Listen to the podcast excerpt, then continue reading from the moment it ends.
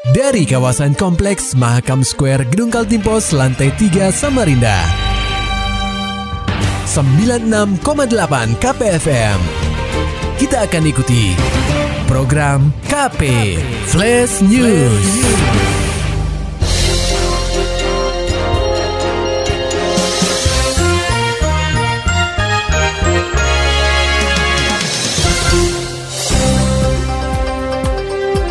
Anda sedang menyimak program KP Flash News bersama saya Agung Pratama. Berita utama. Pendengar KP sebanyak 6 kios pedagang di Pasar Harapan Baru, Jalan Manunggal 1, Kelurahan Harapan Baru, Kecamatan Lowajanan Ilir, hangus tak bersisa akibat musibah kebakaran yang terjadi pada Senin 4 April 2022 sekitar pukul 16.45 waktu Indonesia Tengah. Guna menyelidiki penyebab musibah tersebut, Polsek Samarinda Seberang memanggil unit Inafis Polresta Samarinda untuk melakukan olah TKP pada sisa-sisa material kios dan barang dagangan yang hangus pada Selasa 5 April 2022. Ditemui usai kegiatan, Kasubnit Inafis Polresta Samarinda, Aibtu Hari Cahyadi, menyimpulkan dugaan sementara sumber api muncul dari alat elektronik yang masih menyala dari salah satu kios sayuran. Penyebab dari kebakaran tersendiri diakibatkan oleh dugaan barang elektronik yang bersifat on. Jadi karena mungkin lupa dimatiin sehingga terjadinya tegangan yang berubah pada tegangan PLN akhirnya menimbulkan percikan api yang bisa menyebabkan kebakaran. Ada barang bukti yang diamankan komandan sementara ini kita mengamankan dan mempolisikan eh, TKP dan mengambil barang yang mana barang ini terlihat terbakar. Sementara itu, Kanit Reskrim Polsek Samarinda Seberang, Ibtu Dedi Septriadi, menuturkan sebanyak tiga saksi sudah dimintai keterangan untuk memastikan dari mana titik api muncul.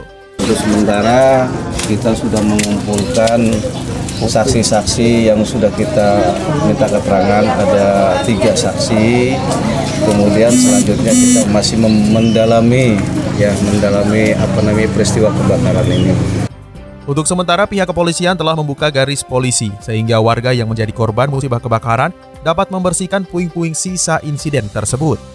Berita selanjutnya pendengar KP waspadai penimbunan solar subsidi. Polresta Samarinda siap tindak tegas. Laporan selengkapnya akan disampaikan reporter KPFM Samarinda, Muhammad Nur Fajar.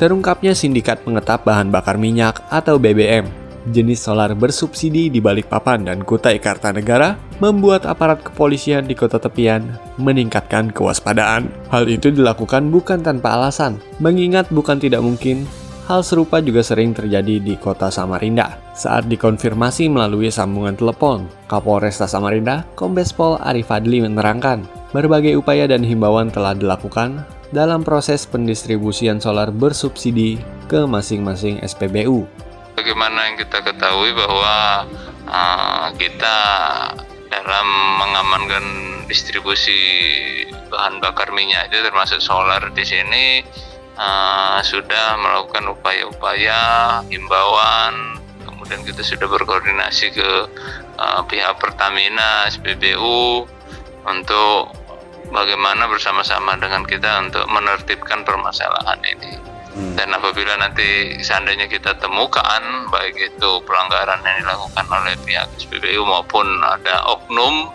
warga yang melakukan uh, pengetapan atau penimbunan memanfaatkan solar subsidi ini akan kita tindak tegas.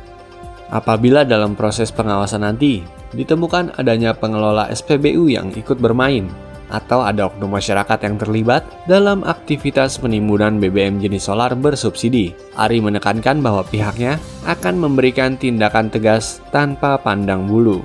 Untuk merealisasikan hal itu, saat ini Ari telah menginstruksikan jajarannya untuk terus melakukan pengawasan di setiap SPBU. KPFM Samarinda, Muhammad Nur Fajar melaporkan. Lanjutkan tradisi dipimpin Wali Kota Samarinda, Andi Harun, Ketua IPSI Kaltim gantikan Sari Jaang. Laporan selengkapnya disampaikan reporter KPFM Samarinda, Maulani Alamin. Cabang olahraga pencak silat di Kalimantan Timur sepertinya identik dengan kepala daerah sebagai ketua umumnya.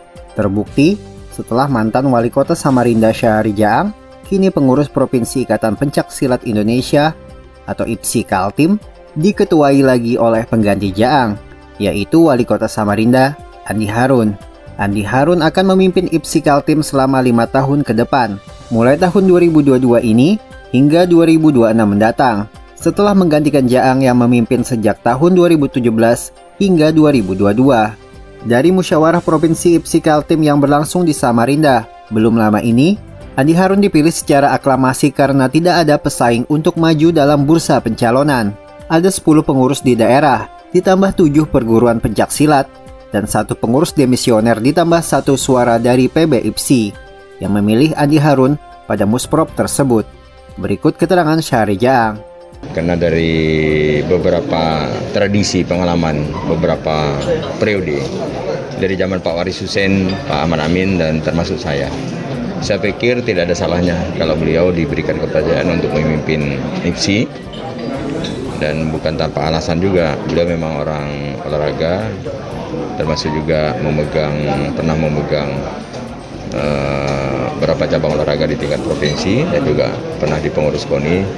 Saya yakin beliau mengetahui sekali apa yang menjadi kebutuhan bagi para pengurus dan bagi para pendekar dan atlet. KPFM Samarinda, Maulani Al-Amin melaporkan. Pendengar KP, saat Ramadan segala bentuk ibadah diganjar dengan pahala berlipat ganda sehingga banyak umat Islam berlomba-lomba menunaikan kebaikan di bulan yang suci ini. Salah satu kegiatan di Samarinda yang punya nilai positif dalam menyebarkan kebaikan adalah Semarak Ramadan 1443 Hijriah. Acara ini berlangsung di Hotel Selika Mulia Jalan Bayangkara sejak 4 hingga 28 April mendatang atau mulai 2 hingga 26 Ramadan. Inti kegiatannya adalah silaturahmi dan buka puasa bersama yang diisi dengan ceramah dari sejumlah ulama kondang di Samarinda. Selain itu, dalam Semarak Ramadan 1443 Hijriah, para peserta yang hadir berkesempatan untuk berbagi santunan kepada anak-anak dari panti asuhan dan pondok pesantren. Sebagai pelaksana kegiatan, Berkah Organizer Sejati atau BOS menyediakan kupon buka puasa seharga Rp150.000 yang sebagian hasil penjualannya diberikan kepada anak yatim dan santri di Samarinda. Direktur BOS Rahmatullah mengatakan pihaknya mengundang 400 sampai 500 peserta dalam kegiatan ini. Jadi full dalam setiap harinya kita akan melakukan mengadakan acara buka puasa di, e, bersama di sini di mana acaranya adalah ada acara hadroh, ada tausiah, kemudian pembagi, pembagian santunan untuk anak-anak kesayangan Rasulullah di mana insya Allah ada sekitar 26 pondok pesantren atau panti asuhan yang akan kita ajak bergabung di sini. Setiap harinya kita akan mengadakan 20 sampai 30 anak yatim piatu pondok pesantren kita berikan santunan. Rahmat juga berterima kasih kepada sponsor utama seperti Hotel Selika Mulia dan PT Bangkal Timtara yang mendukung penuh Semarak Ramadan 1443 Hijriah. Pemimpin Bangkal Timtara Syariah Samarinda Sayyid Muhammad Hanafiah mengapresiasi jalannya acara Ramadan 1443 Hijriah. Sayyid mengungkapkan, bantuan yang dialokasikan untuk kegiatan ini berasal dari UBZIS atau Unit Pengumpul Zakat, Infak, dan Sedekah Bangkal Timtara anak-anak yatim serta pemberian santunan kepada anak yatim Bangkal Timtara dalam hal ini Ubzis Bangkal Timtara atas infak sedekah dari seluruh karyawan karyawan di Bangkal Timtara kita memberikan bantuan kita memberikan sponsorship pada kegiatan uh, ini. Kegiatannya sendiri berlangsung kurang lebih selama bulan Ramadan ini. Dan harapannya adalah dengan kegiatan ini uh, memberikan keberkahan bagi para penerima bantuan ini ya. Sayyid berharap Semarak Ramadan 1443 Hijriah mendatangkan keberkahan bagi semua peserta dan pegawai di Bangkal Timtara. Terlebih, bantuan ini bisa bermanfaat bagi penerima. Maulani Alamin, Muhammad Nur Fajar, KPFM Samarinda.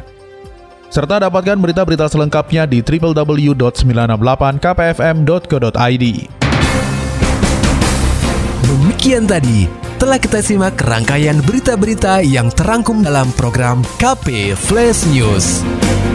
Persembahan dari 96,8 KPFM. Terima kasih dan sampai jumpa.